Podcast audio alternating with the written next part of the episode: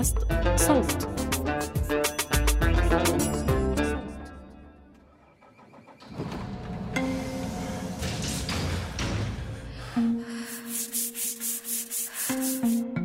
العمل بيجمعنا كبشر ولكن ظروف عملنا مش وحدة ولا بتتشابه بتفاصيلها رغم تقاطعها من الخارج. ولحتى نفهم علاقتنا بأعمالنا وعلاقة أعمالنا فينا رح أقدم لكم أنا سليم سلامة الموسم الرابع من بودكاست ما العمل من إنتاج صوت. رح نسمع قصص العاملات والعاملين المحليين والمهاجرين. على أمل أنه نفهم هالرحلة المعقدة من حياتنا كبشر بعيدا عن فكرة إننا بنعيش لننتج وبننتج لنستهلك. هالموسم بيحتوي على ثلاث ثلاثيات. بكل وحدة فيهم بنناقش جوانب مختلفة متعلقة بالعمل. بنكمل بالثلاثية الثانية عن أوضاع العمل بقطاع التعليم وكيف تأثر بالجائحة. بس هالمرة بنسمع من طلاب وطالبات من يلي تضرروا أولا من أطول إضراب للمعلمين بتاريخ الأردن وثانيا من جائحة كورونا يلي تلت هالإضراب بنفس سنتهم الدراسية.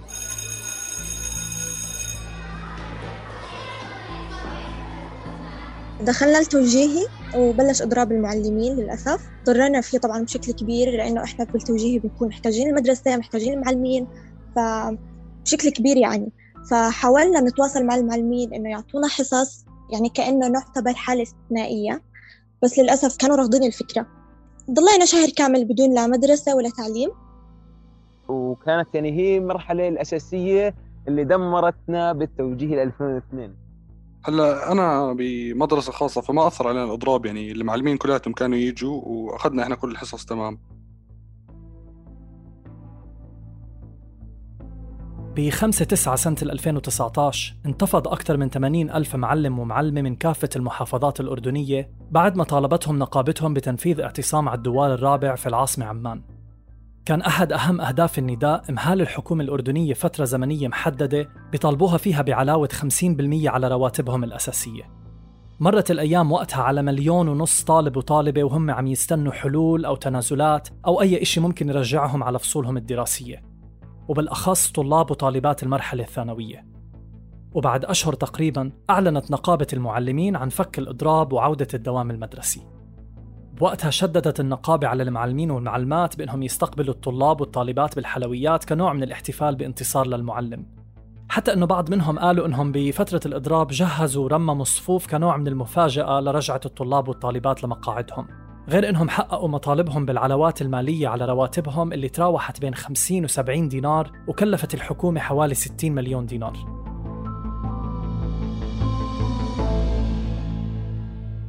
لكن هالاحتفال ما طول. سنة 2020 حملت للجميع مفاجأة تانية. كورونا بلشت والحكومة وقفت قرار العلوات بحجة خطة التقشف والمدارس تسكرت.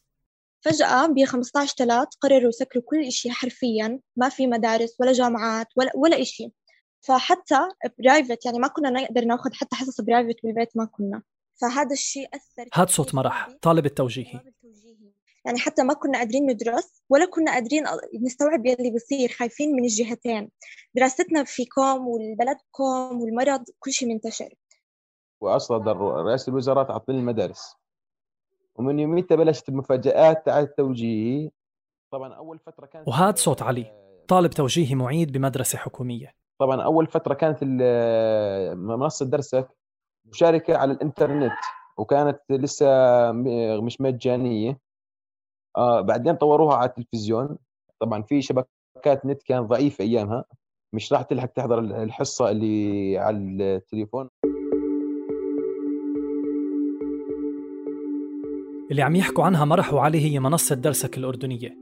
منصة أردنية أنشأتها وزارة التربية والتعليم حتى تساعد الطلاب والطالبات يتعلموا عن بعد أول ما بلش الحظر بعد انتشار الجائحة. المنصة كانت مخصصة للطلاب والطالبات من الصف الأول حتى التوجيهي.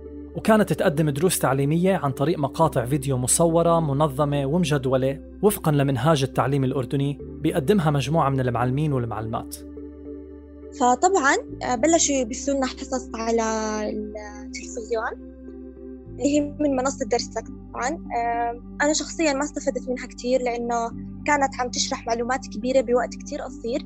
وحتى كن يعني ما كنا نقدر نراجع الحصة لأنه كانت على التلفزيون يعني خلص مدتها بتنتهي ما بتقدر ترجع لها أنا حاب أعلق على الموضوع. هاد صوت سليمان طالب توجيهي كمان. هسا إحنا كأردن كمملكة آه، البنية التحتية لشبكات الإنترنت وللتواصل الاجتماعي آه، بنقدر نقدرها بنسبة من واحد لعشرة راح تكون تقريبا بين الأربعة ونص للخمسة. لأنه مش الكل متوفر عنده الأجهزة الإلكترونية لحتى يقدر يتواصل عن طريق الإنترنت. فكانت إنه كنا بنفضل المدرسة تفضيل المدرسة للسبب هذا إنه مش الكل راح يقدر آه، يستغل وقته على الإنترنت أو يقدر يشتغل على الإنترنت. تقدير سليمان للأرقام اللي بتخص الإنترنت مش مبني على إحصائية واقعية لكن في استطلاع نفذته الجامعة الأردنية شهر 4 2020 أشارت نتائجه أنه 80% من المستجيبين يلي بيتابعوا منصة التعليم الإلكتروني والقنوات التلفزيونية التعليمية بيشوفوا إنها مش بجودة التعليم المدرسي. أظهرت النتائج كمان أنه نص مستخدمين منصة درسك من الطلبة واجهتهم مشاكل تقنية خلال عملية التسجيل والمتابعة لهالمنصة. لكن طبعا مش كل طلاب وطالبات الأردن كانوا مضطرين إنهم يدرسوا بهالطريقة. الوضع كان بيختلف من مدرسة لمدرسة مثل ما حكى لنا سيف أحد طلاب المدارس الخاصة بعمان. هلأ إحنا اللي صار آه، الموضوع كان كتير مختلف. إحنا لما بلشنا ناخذ عن بعد آه، عن على تطبيق تيمز آه، وفي مدارس على زوم زي اللي قاعدين عم نجتمع فيه. هيك كانوا أغلبية الاجتماعات مع المعلمين وكانوا هيك حصصنا. أول إشي ما كنا ناخذ كل الحصص بعدين صرنا ناخذ كل الحصص وكانت كلياتها مباشرة وكان نقدر إحنا نتفاعل معاهم ونسألهم أسئلة. بس يعني جودة التعليم ما كانت أكيد زي جودة التعليم إحنا بالصف يعني عشان إحنا بالنظام اللي بندرسه بتدرس صف 11 و12 وبتقدم بتمتحن بآخر صف 12 فاني كله تراكمي. طلاب وطالبات بعض المدارس الخاصة كان وضعهم مختلف عن غيرهم بالأخص في المدارس الحكومية. لكن معلمينهم ومعلماتهم مش بالضرورة كان وضعهم مميز أو مختلف عن بقية المدارس. قبل ما يتم حل نقابة المعلمين بأواخر 2020 تلقت النقابة 3000 شكوى من معلمين ومعلمات بالقطاع الخاص بعد ما تلاعبت إدارة مدارسهم بأجورهم وقلصتها لنسبة وصلت أحيانا ل 75% بموجب أمر الدفاع رقم 24 والبلاغ رقم 16 اللي رح نترك لكم تفاصيلهم بالوصف. هاد غير عن حرمان بعضهم الآخر من رواتبهم لعدة أشهر من دون حسيب ولا رقيب. بوقتها يبدو أنه كان في انتقادات لآلية رقابة وزارة العمل على قطاع التعليم الخاص وطريقة تعاملها مع شكاوى المعلمين والمعلمات سواء في طرحها كأرقام وبس أو فرض مخالفات بمبالغ قليلة على إدارات المدارس المخالفة. قليلة يعني مش كفيلة بإنها تردعهم. كل هاد من غير حلول جذرية للمشكلة أو متابعة أو رد للحقوق. بعض إدارات المدارس للأسف هددت المعلمين والمعلمات بإنهاء خدماتهم إذا ما رجعوا فرق المبالغ اللي بيتقاضوها من الضمان. واللي حصلوا عليها من برنامج استدامة المقدم من الضمان الاجتماعي. التعديلات على أمر الدفاع رقم 6 رجعت جددت هالمعاناة بسبب السماح للمدارس الخاصة بالخصم من رواتب المعلمين والمعلمات اللي مش مكلفين بعمل من غير ما يرجعوا لوزارة العمل. الإشي يلي سهل ومكن أصحاب المدارس إنهم يستغنوا عن كتير من معلمينهم ومعلماتهم وينهوا عقودهم. وبالرجوع للامتيازات يلي قدرت تقدمها بعض المدارس الخاصة لطلابها وطالباتها هيك امتيازات ما كانت متوفرة بالبداية للطلاب والطالبات بباقي المدارس.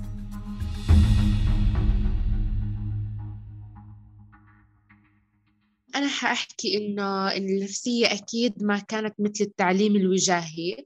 هاد صوت صابرين طالب التوجيهي من مدينة الزرقاء. كمان ما بننكر إنه وجود المعلم مهم. بجانب الطالب أكيد كانت النفسية أبدا مش مريحة وما كان في دعم نفسي إنه أكيد بالمدرسة في تشجيع أكتر وفي دعم أكتر من البيت. آه وكمان في إنه في حدا بيدعمك وفي حدا بيساعدك على أي إشي أنت ما بتقدري مثلا تساعدي حالك فياته. ويعني أنا كنت أفضل إنه النفسية بالمدرسة أحلى من البيت وأحسن وأريح. هلا لما تنشرح حصه في 45 دقيقة ينشرح درس أو تنشرح مسألة على مستوى الرياضيات أو على مستوى الإنجليزي تنشرح آه، قاعدة بالمقابل على منصة درسك هذا الإشي في دروس بتنشرح بخمس دقائق. فإنه مستحيل يكون في درس فيزياء بنشرح بخمس دقائق أو في كيمياء. العقل البشري ما راح يستوعبه لأنه المعادلات كثير كبيرة علينا. أها بالبداية ما كانوا يستجلوها أبدا. فهذا الشيء كمان كان آه، بشكل لنا يعني موضوع صعب. فبالمدرسة كان بتقدر تتفاعل مع الأستاذ بتقدر تسأله بعد الحصة ممكن تقدر تاخذ منه أي شيء. هسه المنصات التفاعلية ما في ولا منصة باستثناء المنصات الخاصة. كمنصة للمملكة الأردنية هاش الهاشمية آه، منصة.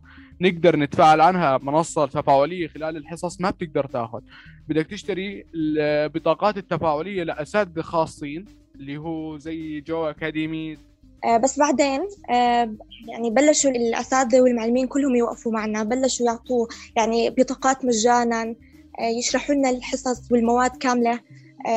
وبلشوا يعملوا لنا لايف ونتبع معهم على هذا الأساس. وبعدين نرجع لمنصة درسك بس إنه بيعطونا أسئلة كمراجعة. أنا شخصيا كنت أرجع لها مراجعة أحل فيها أسئلة وأطلع بس ما كنت أعتمد عليها كمصدر رئيسي لمعلوماتي لأنه الصراحة ما كانت آه، المعلومات كتير قوية. كطالبة توجيهي محتاجة كم هائل من المعلومات. طبعا كورونا كانت سلبياتها كبيرة أكثر من إيجابياتها وكلنا بنعرف هذا الشيء طبعا ما كنا مستوعبين إنها رح تستمر لهالوقت كنا مفكرين إنه أسبوعين لاحقا وبرغم استمرار المشاكل التقنية ومشاكل بتخص المنصة كمكان لتلقي العلم بين الاستطلاع اللي ذكرته سابقا إنه 72% من المستخدمين والمستخدمات كانوا راضين عن أداء المعلمين والمعلمات اللي كانوا مكلفين بالتدريس على المنصة. يمكن هاي نسبة كبيرة وبتناقض اللي سمعناه من ضيوفنا. بالمقابل بين استطلاع رأي آخر أجرته الحملة الوطنية للعودة الآمنة للمدارس أنه 81% من الأهالي لاحظوا أنه المستوى الأكاديمي لأولادهم وبناتهم تغير للأسوأ بسبب التعلم عن بعد. أما بالنسبة للحزم والبطاقات يلي ذكروها مرح وسليمان فهي عبارة عن بطاقات كانت مدعومة من شركات الاتصالات الخلوية الثلاث العاملة في المملكة واللي أتاحت فيها للطلاب والطالبات إنهم يدخلوا مجانا على منصة درسك للتعلم الإلكتروني. الدعم كان له دور مهم. لكنه اقتصر على أشهر معينة وما استمر طول فترة التعلم عن بعد يلي لساتها مكملة لليوم هاد كله يمكن بتعلق بالجوانب التقنية وإمكانية الوصول أصلا لوسائل التعلم عن بعد بس شو بالنسبة للظروف التعليمية داخل البيت؟ كم عدد الأبناء والبنات في مرحلة المدرسة داخل الأسرة؟ هل مساحة البيت مناسبة لهم أصلا؟ وقادرين جواتها بأنهم يتفاعلوا مع موادهم الدراسية بسلاسة؟ طبعا أكيد في له إيجابيات وفي له سلبيات. الإيجابيات آه، أنا كطالب توجيهي قدرت إنه أعمل إدارة لوقتي وأتحكم فيه. أكيد أوليتها كانت صعبة شوي لأنه مش متعودين عن على هذا النمط. آه، بس عادي يعني لقدام تعودنا وكان إشي منيح. بس برضو أكيد يعني في غلبة كانت وما كان في إنه تقبل التدريس عن بعد. تعليم الأونلاين كان في معي وقت أكثر من المدرسة. يعني بقدر إني أوفر وقتي أكثر من المدرسة. كنت أقسم متى أخذ break ومتى أدرس ومتى إنه يعني آه، أعمل إدارة وقت لحالي. لأن أنا كنت ماخذة خصوصي وكنت ملتزمة مع أساتذتي وكانوا بيقدروا يجوني على البيت. صراحة ما عمري فتحت على المنصة. ما كانت تفيدني لأنه. بالنسبة لموضوع الوقت آه، صح إنه أنت بتكون عندك وقت أكتر وبيوفر لك وقت أكتر بس بالتالي بيتطلب منك جهد كتير كبير. لأنه كله عم يعتمد عليك أنت وعلى تقسيم وقتك وكيف تدرس المواد وتفهم فهذا الشيء طبعا أهلي كانوا واقفين جنبي على طول يحاولوا يوفروا الجو المناسب لإلي يجهزوا لي مثلا حصصي آه، يكتبوا لي جدول مثلا متى عندي لايفات متى عندي مراجعات وهيك. وكانت هاي الحصص يعني مثلا ممكن يكون وقتها مع وقت حصص الإخواني الصغار مثلا ماشي؟ هم بيكونوا عاملين قناتين تمام؟ واحدة للتوجيهي وواحدة للطلاب اللي قبل التوجيهي فكنت عم بحاول أقسم وقتي منيح أدرس منيح إنه وقتي يكون مع وقت إخواني الصغار. ما كان كتير يفرق عندي لأنه أنا كنت أحضر على المنصة بس كمراجعة ما كنت أعتمد عليها. آه، فلهيك إذا كان وقتي مشترك مع وقتهم أعطيهم الوقت تبعي لأنه أنا آه، عم بعتمد على مصدر تاني. فهم مجهودهم أهم يعني لأنه هم لسه بمرحلة تأسيسية أكيد. طبعا مش كل الطلاب والطالبات سواسية بقدرتهم على تنظيم وقتهم. سليمان كان وضعه مختلف. الجو كان كثير متوتر يعني مش الكل يقدر يدرس. وأنا كشخص آه، ما عندي التزام. ما عندي التزام. يعني ما بقدر ألتزم بموعد إنه مثلا إنه خلاص هلا بدي أدرس هلا بدي أدرس. لا ما بقدر ألتزم بهذا الموعد. آه، فكانت إنه المدرسة فيها التزام. ممكن يقدر الأستاذ ممكن يقدر يلزمك. التاثير كان على أهلي ما كان في من جهة تأثير نفسي وممكن تأثير مادي وفي تأثيرات كثير. ما بتقدر إنه إنه ما يصير توترات داخل البيت بالذات إنه أنا عندي كمان أخوة لسه برضه طلاب يعني في مرحلة تعليمية ومنهم في مرحلة تأسيسية. من عندي أخ عمره خمس سنين اللي هي مرحلة تأسيسية هاي لحتى دخول اللي إحنا بنقول عنها ال KG 1 وال KG 2 لحتى يقدر يدخل المدرسة. فكان تأثيرها كبير. بس بنفس الوقت أهلي كانوا متعاونين معي كثير. آه امنون البيئة كثير منيحة. آه من ناحية آه جو لطيف داخل البيت من ناحية عدم توتر توفير الأساتذة الخصوصيين توفير بطاقات من كل شيء كانت المشكلة إنه في مواد إحنا قاعدين عم ندرسها يعني زي بالرياضيات أشياء يعني صعبة وتاخذها يعني بطلع الروح لتفهمها وانت قاعد بالصف قدام الأستاذ ومركز يعني تركيزك ألف. فيعني في أشياء كثير كثير استصعبنا دراستها ويعني كمان هاي الصف يعني إذا أنت شيء ما قدرت تفهمه بالحصة بدك تقعد بدك بدك تحط له وقت معين تقعد تدرسه لحد ما تستوعبه بعد الحصة. وإحنا كانوا ماشيين بسرعة يعني صراحة بشكل إنه سريع. فكان يعني أنت بتضطر افرض صار عندك شيء ما حفظت ما قدرت تفهم شيء أخذته بالرياضيات حصه امبارح. مش حتفهم مش لا مش حتفهم حصه بكرة. وحصه بكرة لأنها بناء على حصه امبارح. وكله بصير تراكم الموضوع. فيعني إذا إنك ضعت بالأول أو ما عرفتش تركز أو ما عرفتش تتفاهم أو يعني شغلة التعليم عن بعد ما يعني أولها ما ناسبتك حيضيع عليك كثير. مش حتقدر تفهم. فحتصفي ضايع بدك تحاول بدك تقعد بدك تدرس كل شيء لحالك لحد ما تحاول تلحق اللي صاروا موصلين الصف. المنصة كانت ما تفيدنا بالمرة.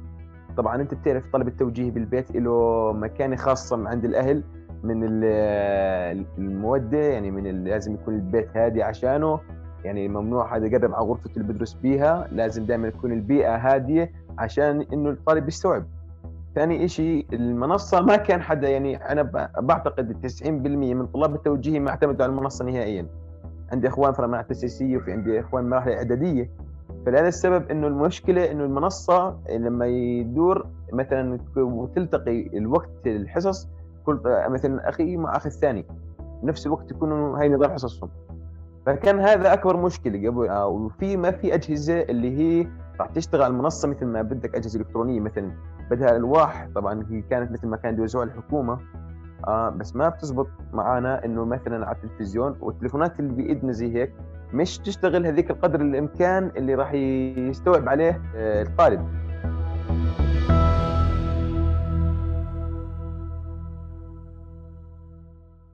في دراسة مبدئية للمنتدى الاستراتيجي الأردني على آثار الجائحة بتفرجي إنه رح يكون في تداعيات على كفاءة وجودة التعليم بسبب قضاء الطلبة وقت أقل في المدرسة والارتفاع الملحوظ بنسب التغيب والتسرب. ومن جانب تاني أبعد شوي عن التقنيات وأقرب للصحة النفسية يلي بتكون مهملة بأغلب الأحيان لما يتم سن القرارات. وضحت الدراسة نفسها أنه رح يكون في زيادة بحالات الاكتئاب والتوتر عند الطلاب والطالبات بسبب العزلة المجتمعية يلي صلهم عم بيعيشوها لأكثر من سنة ولساتها مكملة ضيوفي كمان كان عندهم مخاوف على مستقبلهم خصوصا من منظورهم كطلبة لسه عم بخلصوا مرحلة المدرسة. أغلب هالمخاوف كانت بترتكز على ضبابية المستقبل القريب يلي مش قادرين يشوفوا له خطة واضحة. أكيد في مخاوف إنه إحنا ندرس ونتعب ونشتغل كدراسة وبالأخير ما نلاقي فرصة نحقق فيها هذا النجاح.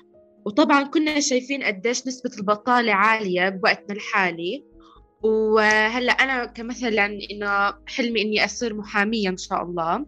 آه بس إنه نسبة العمل كثير آه واطية. يعني ما في ابدا فرص عمل. ف يعني بالبلد اللي إحنا فياتها حاليا ما بنقدر نحقق الأشياء اللي إحنا بنحلم فيها.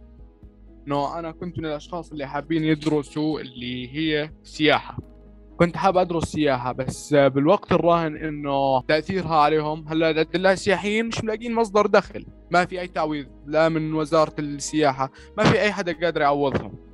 فأنا اللي هو آه، هلأ بدي أعمل أرجع أعمل جدولة آه، للي كنت بدي أدرسه. وفي الوقت الحالي الشغلتين اللي هم السلاح اللي في إيدك زي ما بنقولها لحتى تقدر تخش سوق العمل اللي هي سلاحك شهادتك سلاحك لغتك وبرضه اللي هي مهنتك. شو ما كانت بإيدك مهنة أنت هنا يعني وضعك توب. لا في شيء يعني ممكن تحكي مش إيجابي بس إنه خلاني أعرف انقي إنه وين توجهي أنا وإيش بدي أدرس بالجامعة بعد وضع الكورونا. لأن أنا قبل يعني كنت بحكي لك كنت السنة الماضية اللي هو صف 11 كنت كثير ضايع وجد ما كنتش عارف إيش أدرس يعني نهائيا. بس يعني بعد وضع الكورونا وصرت أشوف إيش عم بيصير أنا إنه هلأ بدي أدرس وقدمت إن شاء الله كمان باخذ قبولات على جامعات بدي أدرس اقتصاد ومالية. فهذا الوضع إنه الأوضاع اللي صارت والاوضاع اللي اللي ما بتصير بالسنين العادية من ناحية الناس اللي بتفهم بالاقتصاد بتعرف إنه صار في أشياء حالات استثنائية وأشياء صارت غير طبيعية إنه تماما. بالسوق يعني بالسوق المالي وصار أشياء كمان يعني باقتصاد البلاد وبالفوائد كل العالم تغير. فإني أنا وجدت جوا حالي شيء ما كنت أعرف إني أحبه وجد إنه عندي شغف له ويعني قررت إنه اتجاه دراستي بعد الوضع الغريب اللي صار.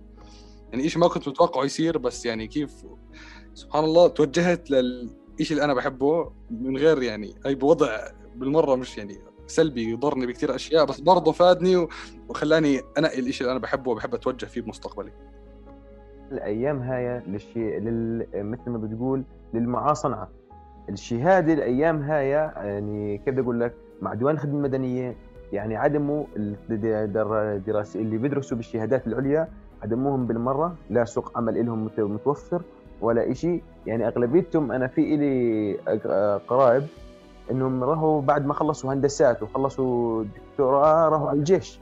يعني هل هذا يعني شيء طبيعي إنه طالب يتعب على حاله أربع سنين بالجامعة ويرجع وإنه رايح على الجيش؟ طب ليش ما سجل الجيش الأول؟ هاي مش ضيعة حقوق. هاي مش إحنا لازم نخاف منها لقدام. يعني إحنا بكرة أنا ناوي اقرا الطاقه المتجدده هندسه الطاقه المتجدده إن شاء الله. آه. وبجوز ما ألاقيش آه، فرصة عمل إني أشتغل بها بالقطاع المدني أو يعني بالمدني. بجوز إني أتجه على القطاع العسكري. والله هندسه الطاقه المتجدده يعني أنا وأنا من صغر لما أول ما طلعوا طاقة متجدده حبيت يعني لما شفت لما كنت أشوف بيركبوا بها على بالناس كنت أروح أتفرج عليه معهم وأشتغل بيدي معهم مساعدة. آه. دخلت يعني دخلت قلبي بسرعة وأنا حاب إني أكمل عليها إن شاء الله. ويعني كمان لها فرصة عمل يعني لحد الآن أقوى هندسة. فرصة العمل هي للطاقه المتجدده اللي هي الطاقة الشمسية.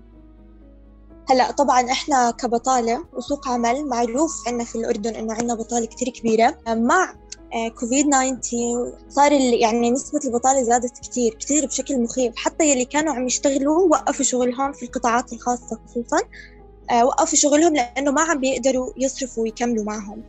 فهذا الشيء سبب ضرر كتير كبير وعم بخوفنا للمستقبل. شو حيصير؟ وشو نهاية هذا الشيء آه طبعا بتمنى إنه نرجع لحياتنا الطبيعية خصوصا إنه نحن هلأ يعني عم ناخذ في الجامعات التعليم كله اونلاين ف يعني ما حيكون يعني لما تتخرج ويصير عندك شهادة ما حتكون قادر تطبقها زي ما أنت عم تاخذها في الجامعة وعم تتعلم وتمارس يعني وظيفتك بشكل كامل خصوصا إذا كان قطاعك طبي مثلا.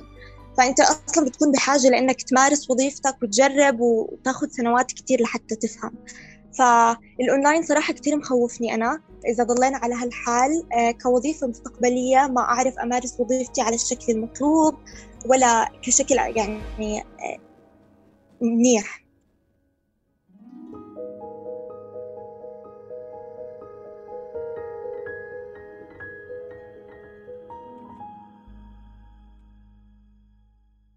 مؤخرا البنك الدولي عمل تجربة قدر من خلالها التأثيرات الضارة للجائحة على تعليم الأطفال وركزت تحديدا على الإغلاق المتكرر للمدارس والتراجع بمصادر الدخل الأسرية. وضحت التجربة كيف بيترك إغلاق المدارس أثر مباشر على تعلم الطلبة بسبب تعليق التدريس الصفي الوجاهي وتقليص الزمن المخصص للتدريس بشكل واضح بسبب المحددات اللي بيفرضها التعلم عن بعد.